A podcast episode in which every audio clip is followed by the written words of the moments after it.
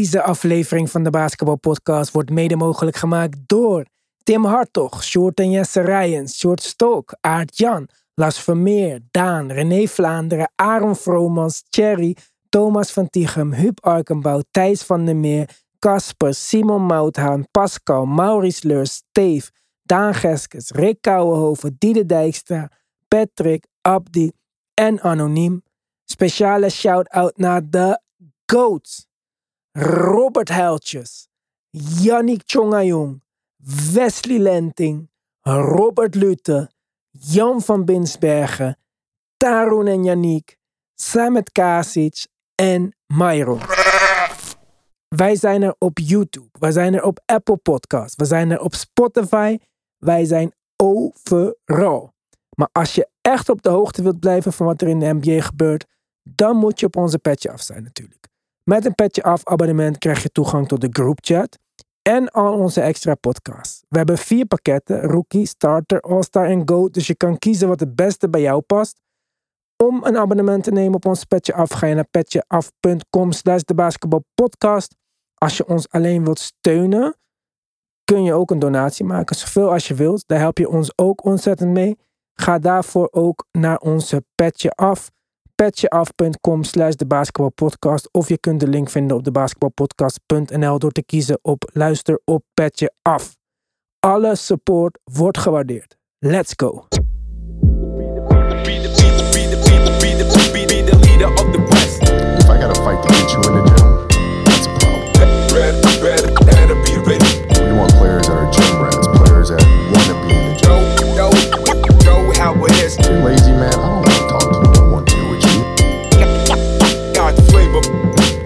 Championships or nothing.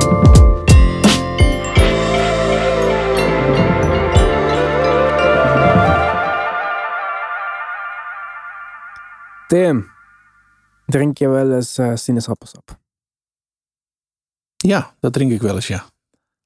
Bij je ontbijt of eh, lunch of brunch of gewoon zomaar voor de lol? Eh, wel eens tussendoor en ik vind bij het ontbijt ook wel lekker. Ja. Oké, nou ik heb geen sinaasappels voor je, maar ik heb wel juice. Oh, Hey, wat een inleiding. Trey Young. Lollipop Trey voor de ingewijden. We wisten natuurlijk allemaal dat hij niet heeft gespeeld en dat hij ruzie had met de coach. Maar er is weer wat nieuws uitgekomen. Het is niet zomaar ruzie met de coach. Eerder lekte al uit dat de kleedkamer mogelijk wel achter Nate McMillan zou staan. En dus niet achter Trey Young. Dat is op zich al best wel interessant. Trey is toch de superster daar. Maar blijkbaar heeft hij niet zoveel credit bij zijn team. Ook niet zo gek natuurlijk. In het verleden heeft hij al een beetje, ja, niet aanvaringen, maar toch wel wrijving gehad met John Collins bijvoorbeeld. Ja. En nu dat dan daar misschien eh, de Jante is, zien ze ook hoe het anders kan. Hij heeft twee wedstrijden geweest dit jaar. Die hebben ze ook alle twee gewonnen. Nou, dat is natuurlijk een hele kleine sample size. Maar eh, het grote nieuws eigenlijk is dat veel mensen in de organisatie hem een beetje eh, zat schijnen te zijn. En niet hem als eh, speler, maar omdat hij bevriend is met de zoon van de eigenaar. En dat gaat dan om Nick Ressler, de zoon van Tony Ressler. Dat is een ja, gedeelte van het ownership. Eh, heeft hij dus best wel veel power en voelt hij ook dat hij soort wat onaantastbaar is. En gaat hij dus vaak zeg maar over mensen hun hoofd heen in de organisatie om zijn zin te krijgen. En dat werkt natuurlijk niet zo heel goed als je dat bij je superiors doet. En ja, dat is wel een beetje juicy. Eh, in zoverre wel, omdat we zien dat de Hawks eh, en, en hij inderdaad nog geen eh, fantastisch seizoen beleven. En dat is natuurlijk altijd de voedingsbodem voor dit soort berichten en eventuele wrijving die, nou ja, uiteindelijk misschien leidt tot, nou ja, ik zou, ik, ik zou niet durven zeggen een trade van, van, van Trey. Maar we zien in ieder geval dat het eh, niet tot succes leidt momenteel bij de, bij de Hawks. Want de wedstrijden, zoals je al zei, dat hij er niet bij was, wonnen ze. En eh, ze zien er op bepaalde vlakken best wel leuk uit. Maar met hem erbij en voor hem persoonlijk ook, is het vooralsnog geen, eh, geen succesvol seizoen. Nee, en er staat ook in dit report van het is niet unfixable, het is geen toxic level. Er zijn gewoon een aantal mensen die het een beetje zat raken.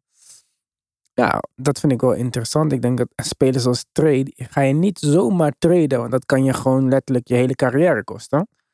Dus het wordt wel interessant om die situatie een beetje te monitoren. Want ze zullen misschien toch aanpassingen gaan maken. Een coach en een sterspeler die constant met elkaar in de clinch liggen. Ja, historisch gezien werkt dat nou niet zo heel goed. Nee, klopt. Ik verwacht inderdaad ook wel dat de Hawks uh, wel in een situatie zitten waarin ze iets moeten doen. We hebben gezien dat uh, nou, de formule zoals ze die nu daar kennen, dat die ja, misschien één keer uh, succes heeft opgeleverd. Maar dat is al te lang terug. En het is wel duidelijk dat dat niet, niet heel sustainable is. Dus ja, ik ben ook benieuwd. ik vind het bijzonder als een, een sterspeler, als het fundament van je toekomst. Want dat is in feite hij. het is toch waarom ze om, omheen gebouwd hebben als dat toch een beetje uh, frictie vertoont met de coach. Uh, ja, dat is interessant te zien wie er dan straks aan het kortste eind trekt. Als dat al gebeurt. Want hebben ook voorbeelden zat waarin dat uiteindelijk toch wel een beetje goed komt.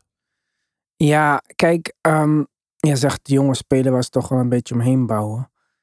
Ik weet ook niet of dat allemaal zo heel erg goed aan het werken is. Ze hebben daar natuurlijk Travis Slank in, um, in het front office zitten. Die is afkomstig van de Warriors. En die zag in Trae Young die ja, nieuwe versie van Steph Curry, zeg maar. Nou, dan treden ze dit jaar uiteindelijk voor de Jante. En dan hoop je dat hij wat meer offball gaat spelen. En dus wat meer in die Curry rol gaat spelen. Maar dat is Trae Young gewoon niet. En ik vraag me af dan in hoeverre alles wat je hebt gedaan nog kan gaan werken als je constant aan het aannemen was dat hij de nieuwe Steph Curry ging worden. Ik vind dat ook moeilijk te geloven. Ik weet ook niet welke aanpassingen je nog kan doen om ervoor te zorgen dat, ja, dat dat model nog wel gaat werken. Ik denk dat het op zich dat ze vrij ver zijn gekomen en dat ze wel hebben kunnen zien wat, uh, wat de ceiling was met een team rondom hem, waarbij hij de balhandler was en waarbij hij de man was. Um, ja, ik kan nog niet. Ik heb moeite met, met conclusies te trekken hoe dat team met de Jante erbij. Dus laten we zeggen, uh, zo'n backcourt. En iets meer uh, tray afbal. ondanks dat hij aardige assist numbers post. Maar aanvallend toch iets minder effectief is, efficiënt is als dat hij, als dat, hij dat voorheen was. Um, ja, of dat wel of niet werkt. Ik denk wel dat ze zeker nog zoekende zijn. Ik vind het ook moeilijk om de Hawks ja, een soort van te beoordelen momenteel. Ik heb, ik heb toch niet het gevoel dat het een heel groot succes is. Uh, maar aan de andere kant vind ik het vrij vroeg om te zeggen van nou dit gaat niet werken, punt. Ja. Hey, uh, ik zei net Travis Slank, die is dus de president of basketball operations of zo. We hadden het van de week al met z'n tweeën over de Knicks, waar ook uh, eh, 37.000 titels bestaan in het front office. Want ik dacht altijd dat bij de Knicks dus Leon Rose de GM was, maar dat is Scott Perry en dan Leon Rose is ook weer de president volgens mij. Ja. Maar dus ook zo hier bij Atlanta Hawks, waar Slank dus de president of basketball operations is. Maar dan zou ik graag van jou willen weten, of tenminste een gok van jou willen horen, wie de GM is van. Ja, ik weet wie dat is. Oud Knicks-speler. Ehm, ah. Oh, weet hij ook weer. Eh, is het Landry Fields? Ja, hoe wist je dit? Uh, dit heb ik ooit een keer voorbij zien komen. Ik zag hem op een foto staan. Toen dacht ik, hé, hey, ik krijg nou wat. Dat je dat weet. Ik kan hem nog herinneren als Knicks-speler. Ik ook. En, zoals, ja, ik zag uit datzelfde team laatst Steve Novak. Ja.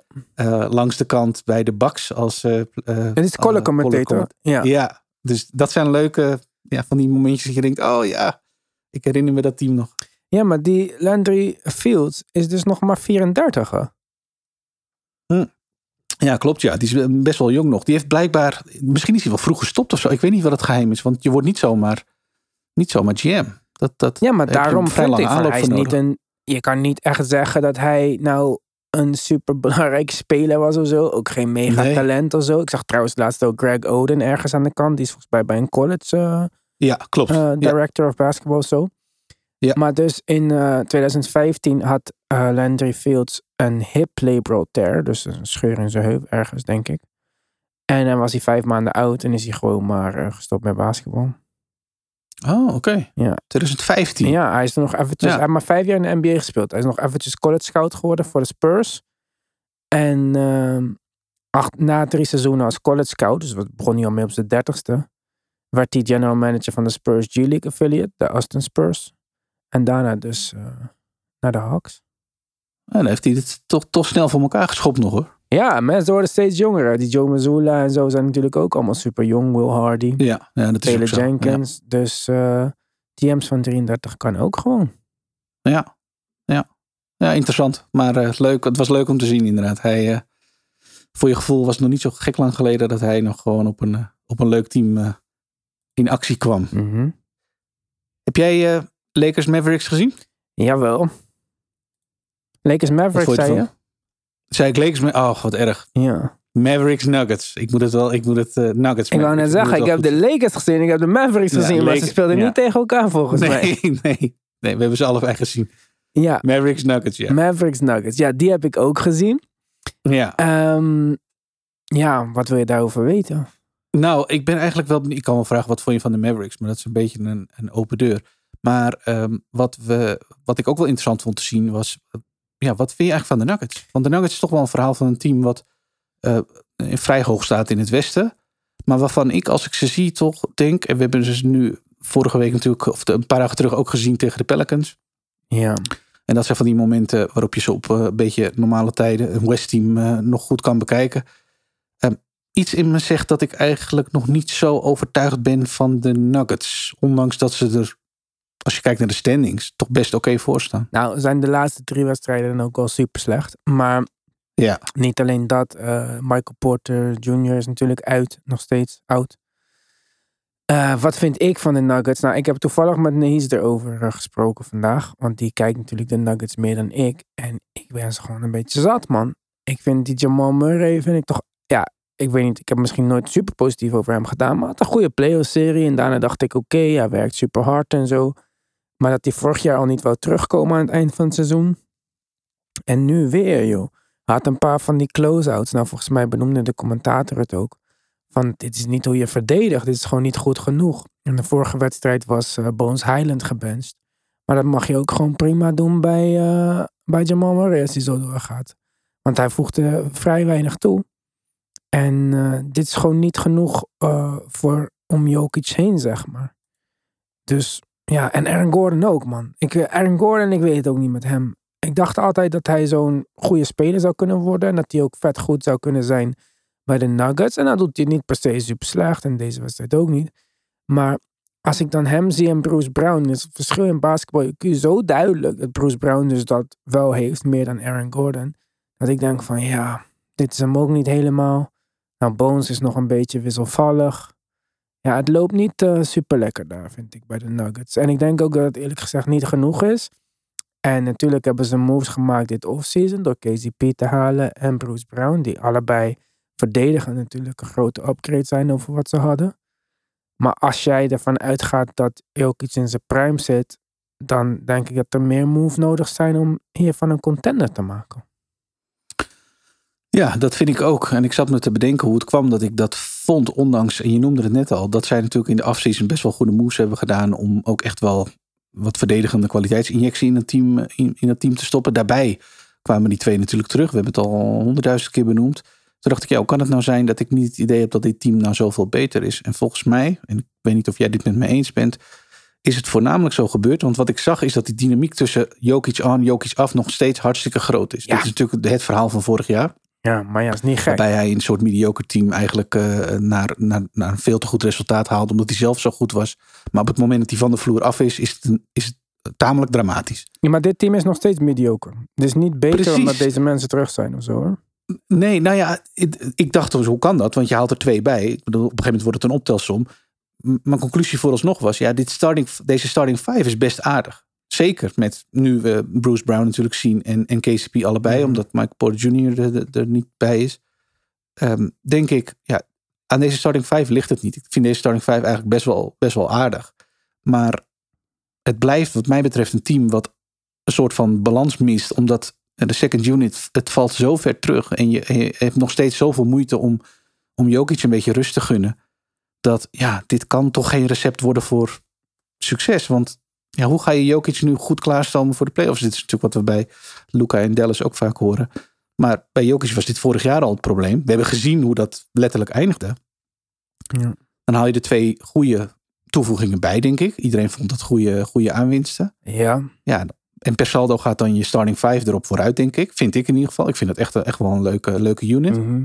Heb je nog steeds het probleem met van ja, er komt te weinig van de bank. Behalve Bones. Bones kan redelijk produceren, maar ik, ik ben het met je eens. Ik vind hem ja, verdedigend ook, eh, wordt hij ook echt opgezocht. Ja. En, en verder om hem heen is het gewoon, ja, het valt gewoon veel te ver terug op het moment dat de Jokic van, eh, van de vloer is. En dan hebben ze, hebben ze alle haast om hem weer terug, eh, terug het veld in te krijgen. Ja, Ja, dat, dat was vorig jaar ook al zo. dit werkt niet. Maar ja, ik denk toch wel het grootste probleem ligt bij dit Jamal Murray en Michael Porter Jr. Het gaat 80 miljoen van je cap space gaat op Ja. aan die twee spelers. En die produceren niet in de buurt van dat. Dus kijk, het probleem ligt niet bij, eh, bij eh, Bruce Brown. Nou ja, van Aaron Nee. Gordon kan je, ja, vooral gisteren heeft hij gewoon een hele goede wedstrijd gespeeld. In ieder geval scoren Ja. eh, gezien.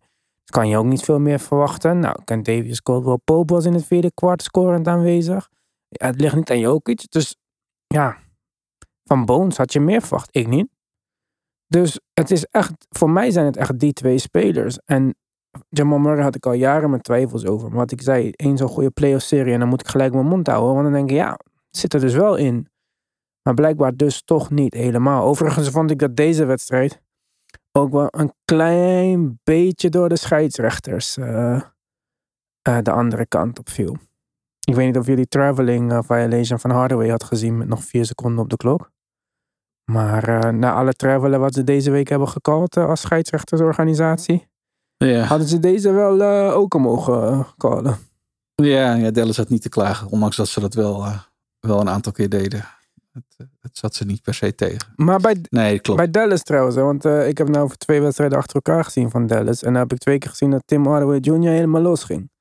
Ja, nou, je komt op het juiste moment, eh, kom je binnen. Ja, jullie klagen de hele dag over drie shooters. Maar jullie schieten meer drie punten raak dan in niks bij elkaar met één speler. Dus eh, ja, dat is iets van de laatste, ik zou zeggen, gokken vijf wedstrijden. En daarvoor was het, eh, was het echt niet veel hoor. En Tim Hardaway heeft echt eh, eigenlijk rondom het moment dat hij eh, is geupgrade naar die starting unit. In, in plaats van eh, Reggie Bullock, die nog steeds geen pepernoot raakt. Dat is echt, eh, dat, is echt een, dat begint steeds dramatischere vorm aan te nemen. Is het voor Tim Hardaway echt wel een goede zet geweest. Want die begint nu drie punten, die begint nu schoten te raken.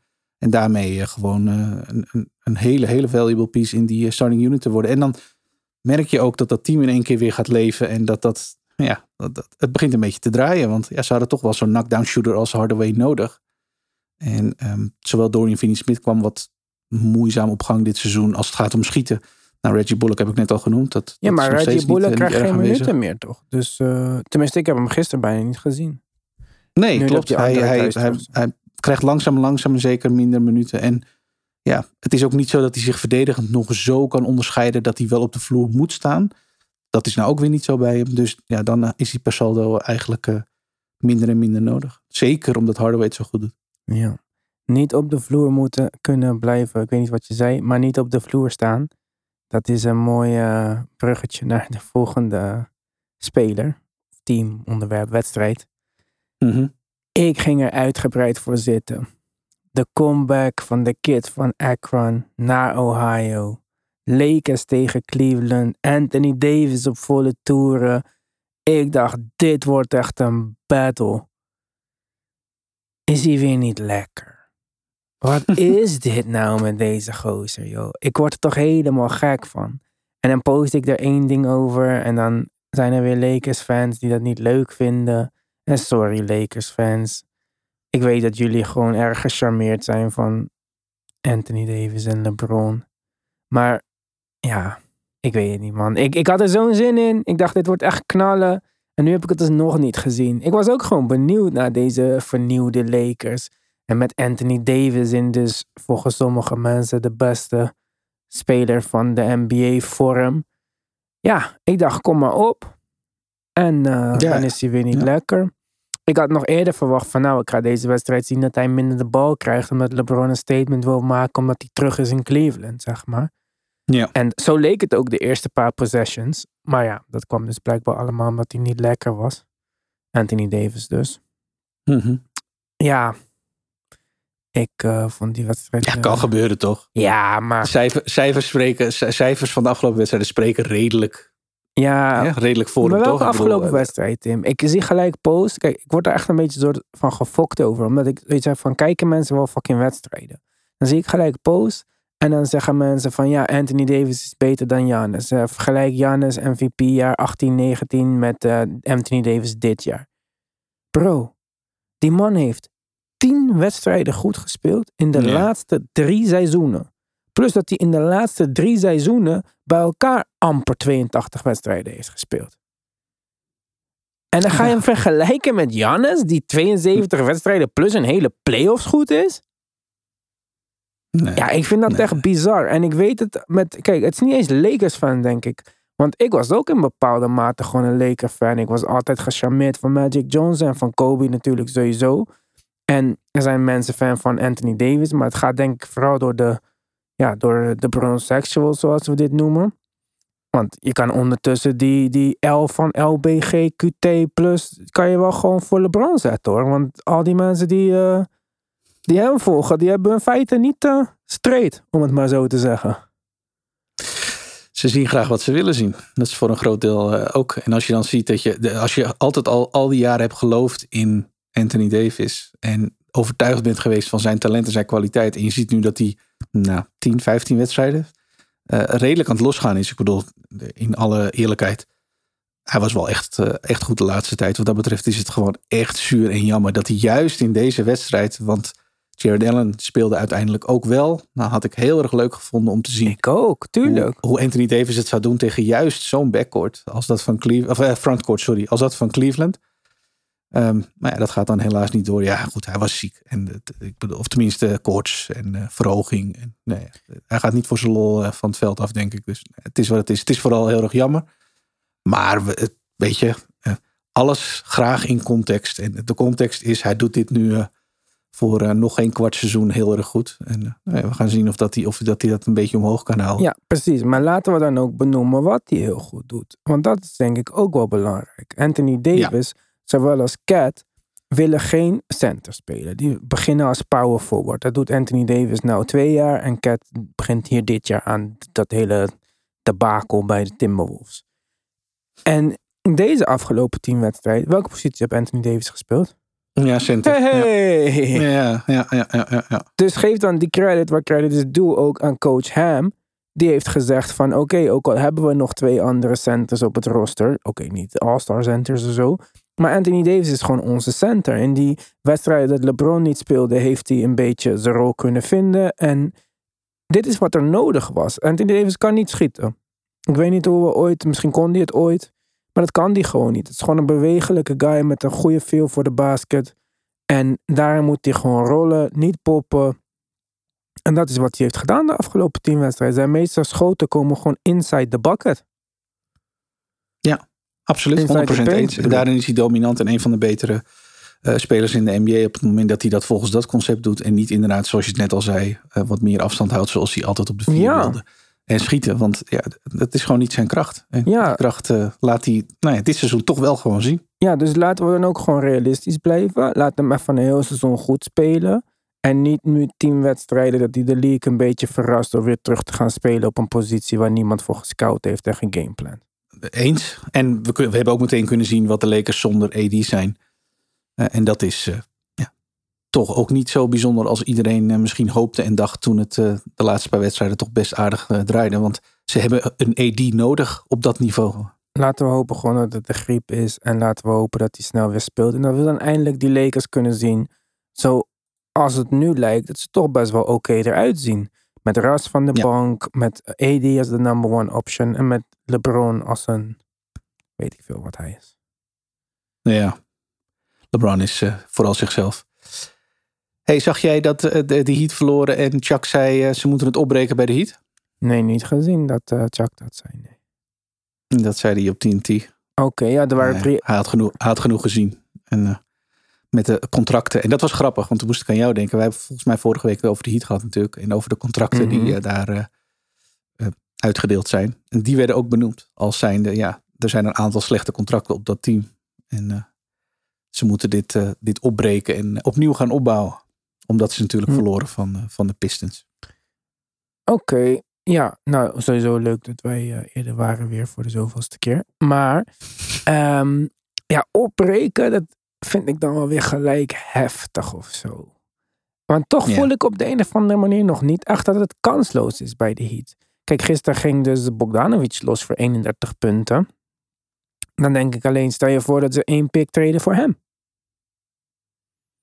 Ja, Dit is allemaal zo realistisch. Zijn ze dan niet, zeg maar, beter? Vorig jaar had je bijna Boston verslagen. Met alleen Jimmy, zeg maar. Ja. Dus Ja, maar het, het verval is wel groot, toch? Ten opzichte van vorig jaar. ja. maar ze missen ook spelers, naar mijn mening. En nou start Tyler Hero. Vorig jaar was hij een verrassing van de bank. Of het jaar daarvoor. Ik weet al niet meer eens weer wanneer hij goed was. Maar ja, ik zou zeggen van eh, stuur gewoon een pick en eh haal Bogdanovic en Sadiq B er nog bij. En eh, probeer het daarmee. Ja, die Sadiq B eh, vind ik ook gek. Want die start opeens niet meer. Of tenminste niet opeens. Wouter zou nu wel denken, nou dat gebeurt al zo lang en zo lang. Maar Sadiq B was vorig jaar gewoon hartstikke goed bij de Pistons. En misschien is het driepuntpercentage iets wat eh, minder dit jaar. Maar ja, dat lijkt me toch ook Speelt weer wel veel minuten, hoor. salvageable. Ja, maar wel van de bank. Ja. ja Waarom ja, zou hij dat van de bank moeten komen?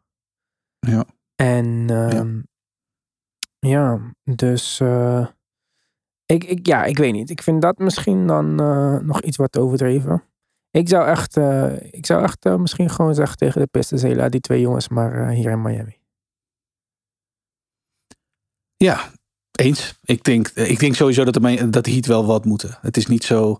Ik, ik, ja, ik, ik heb niet het gevoel bij hen, zoals jij dat misschien wel hebt, van nou, dit, ja, er zit toch zoveel kwaliteit. Dit is de ploeg die vorig jaar op het randje van stond. En waarom zou dat nu ineens zo slecht zijn? Ja, dat, dat, dat, dat is op het, op het oog ook wel zo. Alleen ja, de andere, aan de andere kant is, vind ik het verval wel vrij groot. En heb ik zoiets van ja, dit is wel een team dat echt wat moet wat mij betreft om weer een beetje leven in de brouwerij te blazen. En misschien die afwezigheid ook wel wat beter op te kunnen vangen. Want daar hadden ze vorig jaar ook last van. En vorig jaar ging dat gek genoeg wel goed. Ondanks alle afwezigen en inconstant, eh, hoe noem je dat? Inconstantheid van spelers in en out of the line-up. Ja. Vingen ze best goed op. Ja, dat uh, vooralsnog dit jaar. Ondanks dat bijvoorbeeld een Kyle Lowry nu opeens wel gewoon aanwezig is. Veel minuten maakt. En uh, de stabiele factor is die, die uh, altijd had moeten zijn. Ja. Ja, zijn de resultaten er nog niet echt naar. ja, daarom zeg ik. Trade voor die Sadiq B. En Ja. ik ga je ook vertellen waarom nog ik dat vind dat dat moet. Omdat hij van Villanova komt. En vroeger zei Mart altijd tegen mij dingen als... Ja, die komt van die school en dat betekent zus en zo. En toen dacht ik altijd, ja, whatever. Tenminste, ik dacht niet, ja, whatever. Misschien een beetje. Maar in ieder geval, als we kijken naar Villanova-spelers... Deze spelers wil je hebben op jouw team, jongen. Kyle Lowry komt van Villanova. Nou, we weten allemaal wat zijn work ethic is. Mikael Bridges, Jalen Brunson, Josh Hart, Di Vincenzo. Ik zou zeggen, haal die Sadiq B maar. Ja. ja, ze hebben een goede track record. Ik vind de lijstspelers ook erg leuk. En uh, allemaal erg waardevol op hun eigen manier. Maar uh, ja, het is wel een bepaald... Wel het, het goede slagspelers, ja, zeg maar. bepaald ja. type mens gewoon, zeg maar. Ja. ja. ja. Over uh, type mensen gesproken. Kawhi is ook een apart type. Maakte wel zijn comeback. En hij schoot gelijk een game winner raak. Heb je het gezien? Ja, was het tegen Charlotte, toch? Ja. Ja. De almighty Charlotte. Ja, bizar. ja. ja. Ja, kijk, dat was ook wel het mooiste wat hij heeft gedaan. Hè? Want voor de rest ziet het er allemaal niet echt super smooth nee, uit. hè? Poeh. Ja, ik, ik, ik, ik begin het een steeds moeizamer verhaal te vinden. Maar inderdaad, hij, ja, is het roestig? Is, het, is dit gewoon de nieuwe Kawhi? Is het, ik... ik weet niet, wat is, hoe moet ik weten wat Kawhi is? Als we Kawhi ja. niet hebben gezien twee jaar. En kijk, ik ben een groot fan van Kawhi. Maar ik ben fan van zijn piek. Hij had best wel een lange aanloop naar zijn piek toe. Wat kon ook onder de omstandigheden bij de Spurs. Maar als het zo doorgaat, dan heeft hij wel echt de hoogste korte piek ever, volgens mij. Ja, ben ik wel met je eens. Ja, als dit. God, ik zou nog niet willen denken aan de realiteit dat dit. Gewoon blijft. Ja, als dit, dat, dat dit het is.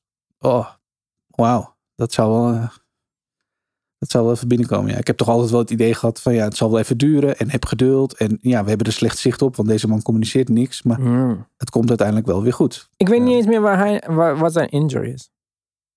Ja, dat was uit mijn hoofd in die serie van de, tegen de Mavericks. Wat een fantastische serie was, waarin hij zo goed was. Nee, hij, hij werd het de, daarna, denk ik. Of tegen het einde van die ja, maar serie. dat is mijn punt, Tim. We weten ja. niet eens. Want we nee, dachten dat het een ja, was. want dat, dat zoals ons verteld uit de Spurs uh, via Toronto naar dit. Nou, zijn kwaad zijn zeven keer zo dik. Nu was het iets met zijn knie. Ja, ik weet het allemaal niet meer. Hij wil niet spelen. Niemand weet wanneer hij gaat spelen. Dan is hij weer gefrustreerd dat hij niet mag spelen. Ik snap er niks van. Ja, en de fans beginnen zich steeds meer uh, te, te laten horen natuurlijk. Want het wordt uh, bijvoorbeeld ook voor seizoentickethouders. Je, je moet je voorstellen dat je een seizoenkaart hebt gekocht daar. Omdat je denkt van nou, ik weet dat Kawhi geblesseerd is. Maar hij komt wel weer terug en dan komt alles goed. En dan ben je meer dan een kwart onderweg nu. En dan is dit je realiteit. Ja, echt. Je ziet hem, nou wat heb je hem gezien? Twee wedstrijden? Ja, ik uh, heb hem heel weinig gezien in ieder geval. Want ik Ja, ben een aantal en- keer gaan zitten voor de Clippers. Omdat ik niet altijd durf te googlen van wie heeft er wel of niet gespeeld. Omdat ik dan soms de score en eh, dingen in beeld krijg. En dan ging ik er weer voor zitten en dacht ik zo, Clippers tegen la la la, een mooie matchup. Weer geen Kawhi. En dan Ja. ook nog geen PG en John Wall deze dagen. Maar eh, Nee, want zou het met PG nog wel zo kunnen zijn dat je ervoor gaat zitten? Als PG gewoon straks terugkomt, Nee. daarvan Ja, als ze natuurlijk een wel iets meer. als ze een mooie matchup spelen. Maar zeg maar, er zijn gewoon een aantal dingen die ik zou willen zien, ongeacht tegen wie ze spelen. Ja. Maar Ja. ja, voor mij is Reggie Jackson, Paul George, Zubac of zo. Ja, dat is nou niet dat ik denk van, ja, can't miss TV of zo. Oh nee, nee, dat ben ik met je eens. Nee, ik vind John Wall nog wel leuk, maar, Ja, nou, maar die dat hebben we ook inmiddels ook wel een klein beetje gezien als zijnde. Want er zat voor een deel natuurlijk ook wel bij dat hij hè, zo lang afwezig is geweest tussen aanhalingstekens. Dus je ook gewoon benieuwd bent naar hoe hij het weer doet als hij, eh, als hij weer minuten gaat maken. Nou, dat eh, deel hebben we ook wel gezien. Dus ja, ze zijn niet het leukste team om te kijken momenteel. Nee, vind ik ook. Eh, nee, niet volgende. Volgende gaat op Petje Af. Ja, Daar gaan wij eh, rustig verder. Petjeaf.com slash de basketbalpodcast. Wij zijn er maandag weer met normale podcast. Anders zijn we er natuurlijk eh, morgen met Tim Talk op Petje Af. En zondagavond weer met de andere Petje Af. Dus eh, blijf doorgaan. Zes dagen per week op Petje Af. Twee op de open kanalen. Bedankt voor het luisteren. En tot de volgende keer.